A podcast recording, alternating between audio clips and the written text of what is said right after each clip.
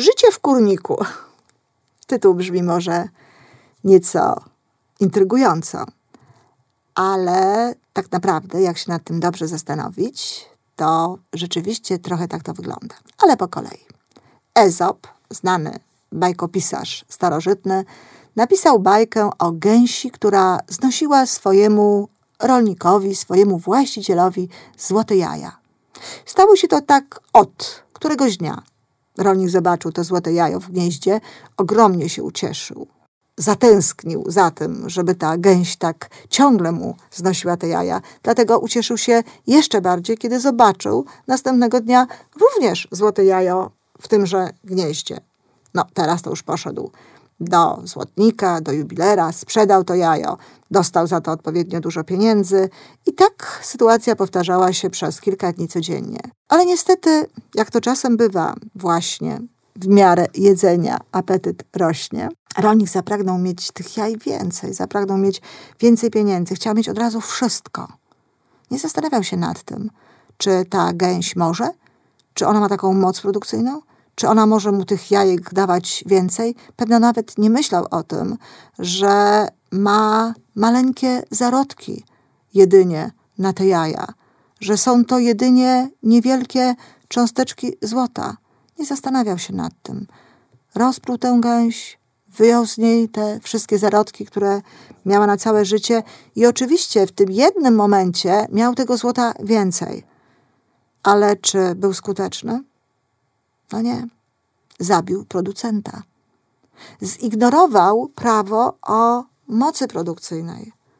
Zignorował prawo troski o to, żeby ten producent, który dostarcza mu w tym wypadku akurat złotych jaj, miał moc produkcyjną, żeby miał i chęć, no powiedzmy sobie w wypadku gęsi, może ta chęć nie jest taka ważna, ale na pewno ważna jest pewnego rodzaju troska o gęś, Dzisiaj wiadomo z badań różnego rodzaju, że szczęśliwe kury znoszą lepsze jajka, że szczęśliwe krowy dają lepsze mleko. Może znowu słowo szczęśliwy nie pasuje tutaj najbardziej, ale zadbane, zadbane, wolne, takie, które rzeczywiście traktowane są we właściwy sposób. I w wypadku tej gęsi też pewno by tak było. Dostawałby jedno jajko dziennie, ale duże jajko, ładne jajko jajko, które rzeczywiście miałoby wartość. A tak, zabił gęść, a jajek było niewiele. No, śmiejemy się z tego rolnika bardzo często. Dziwimy się, że on taki niemądry. Ale jeśli popatrzy się na to, jak żyją ludzie i w jaki sposób traktują różne swoje gęsi, czy jak to jest w polskiej tradycji, kury, bo my w Polsce mówimy raczej o kurze, która znosi złote jajko. Kiedy popatrzymy, jak ludzie podchodzą do różnych ważnych osób w ich życiu, od których oczekują pewnych jaj, określonych zachowań, określonych postaw, pewnych uczuć nawet, to wtedy przestaje to być takie zabawne. Wcale nie jesteśmy inni. My również bardzo często zażynamy producenta zażynamy gęś czy zażynamy kurę. Nie czekamy, aż zniesie nam to jajko sama, właściwie traktowana, właściwie zadbana, tylko próbujemy jej to wyrwać na siłę. Chcemy natychmiast, chcemy już. Oczywiście bardzo często tą kurą, od której chcemy tego jajka natychmiast, jesteśmy my sami. Proszę sobie tak pomyśleć przez chwilę. Często zresztą proszę o to i zadaję takie pytanie. Gdybyśmy rzeczywiście mieli taką kurę, która znosi złote jaja, jak byśmy ją traktowali? No na pewno bardzo dobrze. No na pewno byśmy dmuchali jej wręcz w skrzydełka, w piórka. Karmilibyśmy ją dobrym ziarenkiem. Chcielibyśmy, żeby jak najdłużej żyła i żeby rzeczywiście codziennie dawała nam to jajo pewne prawa naturalne, takie jak umiar, szacunek dla tego producenta, właściwe traktowanie kogoś, kto robi dla nas pewne rzeczy, bardzo by się tutaj przydały.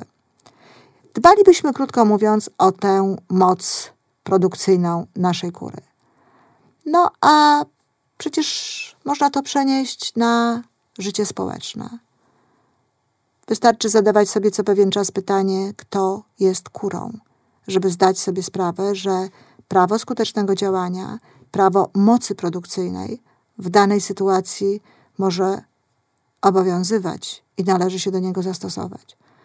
Najczęściej podaję przykłady z kilku dziedzin naszego życia. Od pierwszy. My i nasi podwładni, zakładając, że jestem menedżerem i mam pod sobą ludzi. Jaka jest odpowiedź na pytanie, kto jest kurą? Oczywiście moi ludzie. To oni są kurami. To przez odpowiednie ich traktowanie mogę osiągać te cele, na których mi zależy. Muszę ich traktować w taki sposób, żeby chcieli i mogli dawać mi te jaja, na których mi zależy, czyli realizować te cele, które przed nimi stawiam, czy które wspólnie opracowujemy. No dobrze, a jeżeli na przykład jestem pracownikiem, idę do szefa z fantastyczną ideą, z rewelacyjnym pomysłem, który jeśli zostanie wprowadzony w firmie, to naprawdę wprowadzi y, bardzo poważne zmiany, owocujące niezwykle dobrze dla, dla firmy. To kto jest wtedy kurą? No ciekawa jestem, co odpowiedziałeś. Ja bardzo często słyszę wtedy na szkoleniach, no ja jestem kurą, bo to przecież ja mam świetny pomysł, to przecież ja wniosę coś fantastycznego do firmy. No nie. To szef jest kurą. To od niego chcesz jajko zgody, akceptacji, zielonego światła danego przez niego na to, żebyś mógł czy mogła robić rzeczywiście to, na czym ci zależy. Idziesz do niego z pomysłem, ale idziesz do niego po jajko zgody. Tak naprawdę to wcale jeszcze nie wiadomo, czy ten twój pomysł jest taki świetny, czy on jest taki rewelacyjny. A już na pewno, jeśli nie będzie wprowadzony, jeśli nie będzie szansy na to, żeby sprawdzić, jaki on jest, to nikt nie będzie z tego miał żadnego pożytku.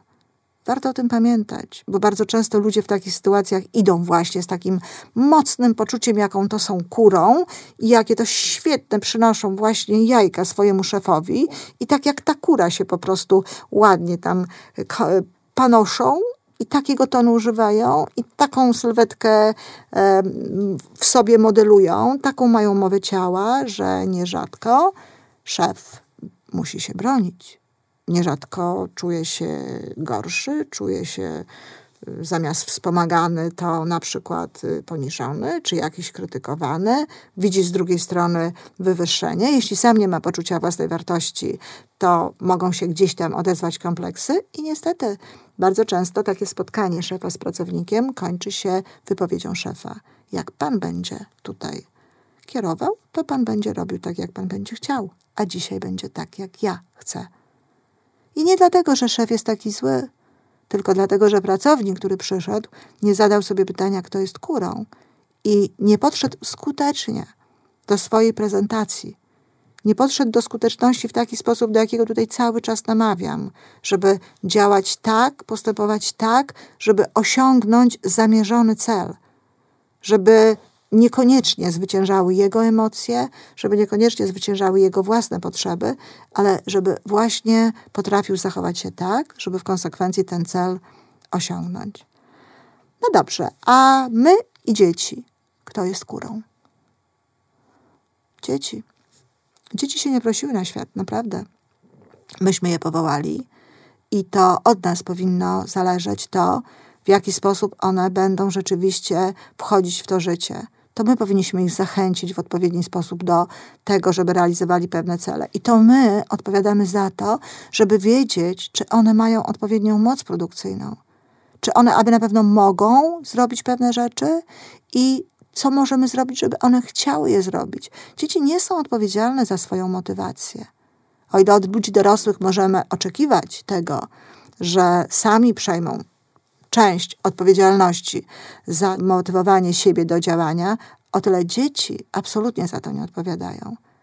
Czyli to one są kurą. Jeśli chcemy osiągnąć jajko w rodzaju czysty pokój, czy jajko w rodzaju odrobione lekcje, czy jajko w rodzaju pomoc w pewnego rodzaju domowych zajęciach, to musimy w taki sposób to robić, tak dbać o naszą kurę, tak ją traktować, żeby ona rzeczywiście chciała i mogła to zrobić. Bardzo często kobiety mają taki pomysł, że w związku mogłoby być coś lepiej. Przychodzą do domu i mówią: Kochanie, musimy porozmawiać. No, może to nie jest najlepszy początek, ale co powinno się dziać dalej? Kto jest kurą? No, oczywiście, że kochanie jest kurą. Ten pan jest kurą, ten partner jest kurą. To, to kobieta chce od niego czegoś. To ona chce, żeby w ich związku było jeszcze lepiej. To jej coś się nie podoba, w związku z czym musi się komunikować skutecznie. Czyli musi w sposób taki rozmawiać z mężczyzną, żeby on z jednej strony mógł, a z drugiej strony chciał dać jej to, na czym jej zależy. Czasami jest tak, że po prostu ludzie, od których czegoś chcemy, nie mogą nam tego dać. To bardzo ważne, żebyśmy wiedzieli, może najpierw, czy mają moc produkcyjną. No a żeby chcieli coś nam dać, żeby chcieli zachować się w określony sposób w stosunku do nas, no to dużo zależy od tego, w jaki sposób my do tego podejdziemy i w jaki sposób my rzeczywiście do tego ich zmotywujemy. Czyli krótko mówiąc, żyjemy w jednym wielkim kurniku. Mamy do czynienia z samymi kurami. Mamy je dookoła. Dlatego mówię o tym, że trzeba co pewien czas pytać, kto jest kurą. To może zmienić zupełnie perspektywę naszego zachowania. Wchodzimy do urzędu. Kto jest kurą? Ten urzędnik, ta urzędniczka. No, niestety czasami jest tak, że kury nie dają jajek. Nie chcą tych jajek dawać. Naprawdę robimy wszystko. Staramy się, w skrzydła im dmuchamy, w piórka im dmuchamy, najlepszym jedzonkiem karmimy. A one jak się nie niosły, tak się nie niosą. Co się robi z takimi kurami? No, bierze się je na rosół. Oczywiście nie ma takiego obowiązku. To bardzo ważna sprawa, żeby mieć tę wiedzę, że my nie musimy kury, która jaj nie znosi, brać na rosół. Może polubiliśmy tę kurę. Może się do niej przyzwyczailiśmy. A może mamy jakieś inne powody, dla których chcemy, żeby w dalszym ciągu była w naszym kurniku. Tyle tylko, że chodzi o to, żeby zdawać sobie sprawę, że przestajemy być skuteczni. Nie musimy być wcale skuteczni. Skuteczność nie jest żadnym obowiązkiem. Nie w każdej sferze swojego życia muszę być skuteczna. Nie w każdym momencie tego życia muszę być skuteczna. To dotyczy wielu rzeczy. To dotyczy nieudanych związków, gdzie na przykład nie bierzemy tego pana na rosół albo tej pani na rosół, tylko z jakiegoś powodu dalej tkwimy w tym związku. Może mamy jakieś określone wartości, które to powodują. Może są inne rzeczy, które dostajemy, które są również dla nas ważne. Chodzi tylko o jedno, żeby zdawać sobie sprawę z tego, że to nie jest działanie skuteczne, ale jest to działanie przez nas chciane, akceptowane i mamy takie prawo. Natomiast jeśli chcemy działać skutecznie, jeżeli chcemy, żeby efekty, jakie dostajemy od życia, żeby zachowania tych osób, z którymi mamy do czynienia, były współmierne, proporcjonalne do, do naszych kosztów, żeby nasze działania rzeczywiście można było nazwać skutecznymi, to kura, która nie daje nam jajek, powinna być rzeczywiście przeznaczona na rosół. Co to znaczy?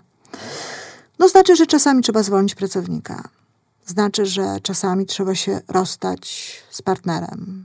To znaczy, że w niektórych sytuacjach trzeba zrezygnować z polubownego załatwiania sprawy z jakimś urzędnikiem, ale pójść na przykład wyżej i poprosić o pomoc osobę, która kieruje tym człowiekiem i tak dalej, i tak dalej. Tylko dzieci do 18 roku życia nie podlegają tego typu traktowaniu. Nie można zrezygnować z dziecka tylko dlatego, czy z relacji z dzieckiem, tylko dlatego, że dziecko nie chce z nami współpracować.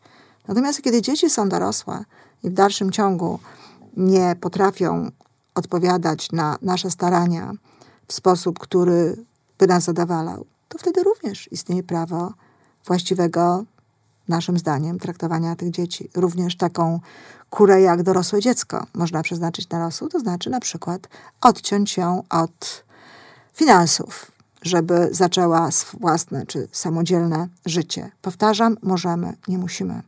Mówimy tutaj tylko i wyłącznie o skuteczności w takim działaniu. Tylko jeszcze jedna ważna rzecz jest tutaj. Ja mówię o tym, że zrobiliśmy wszystko. Kurę bierzemy na rosół wtedy, kiedy naprawdę zrobiliśmy wszystko. Rezygnujemy z pracownika wtedy, kiedy daliśmy mu odpowiednie szkolenia, kiedy zadbaliśmy zarówno o to, żeby mógł, jak i o to, żeby chciał. I okazało się, że niestety nie daje to efektów.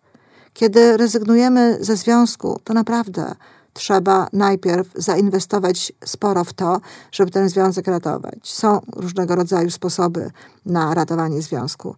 Całkiem niedawno miałam u siebie klientkę, która powiedziała, że ona wszystko już zrobiła, ona teraz to się tylko może rozejść ze swoim mężem, bo już się nic więcej nie da zrobić. Pytam, co pani zrobiła?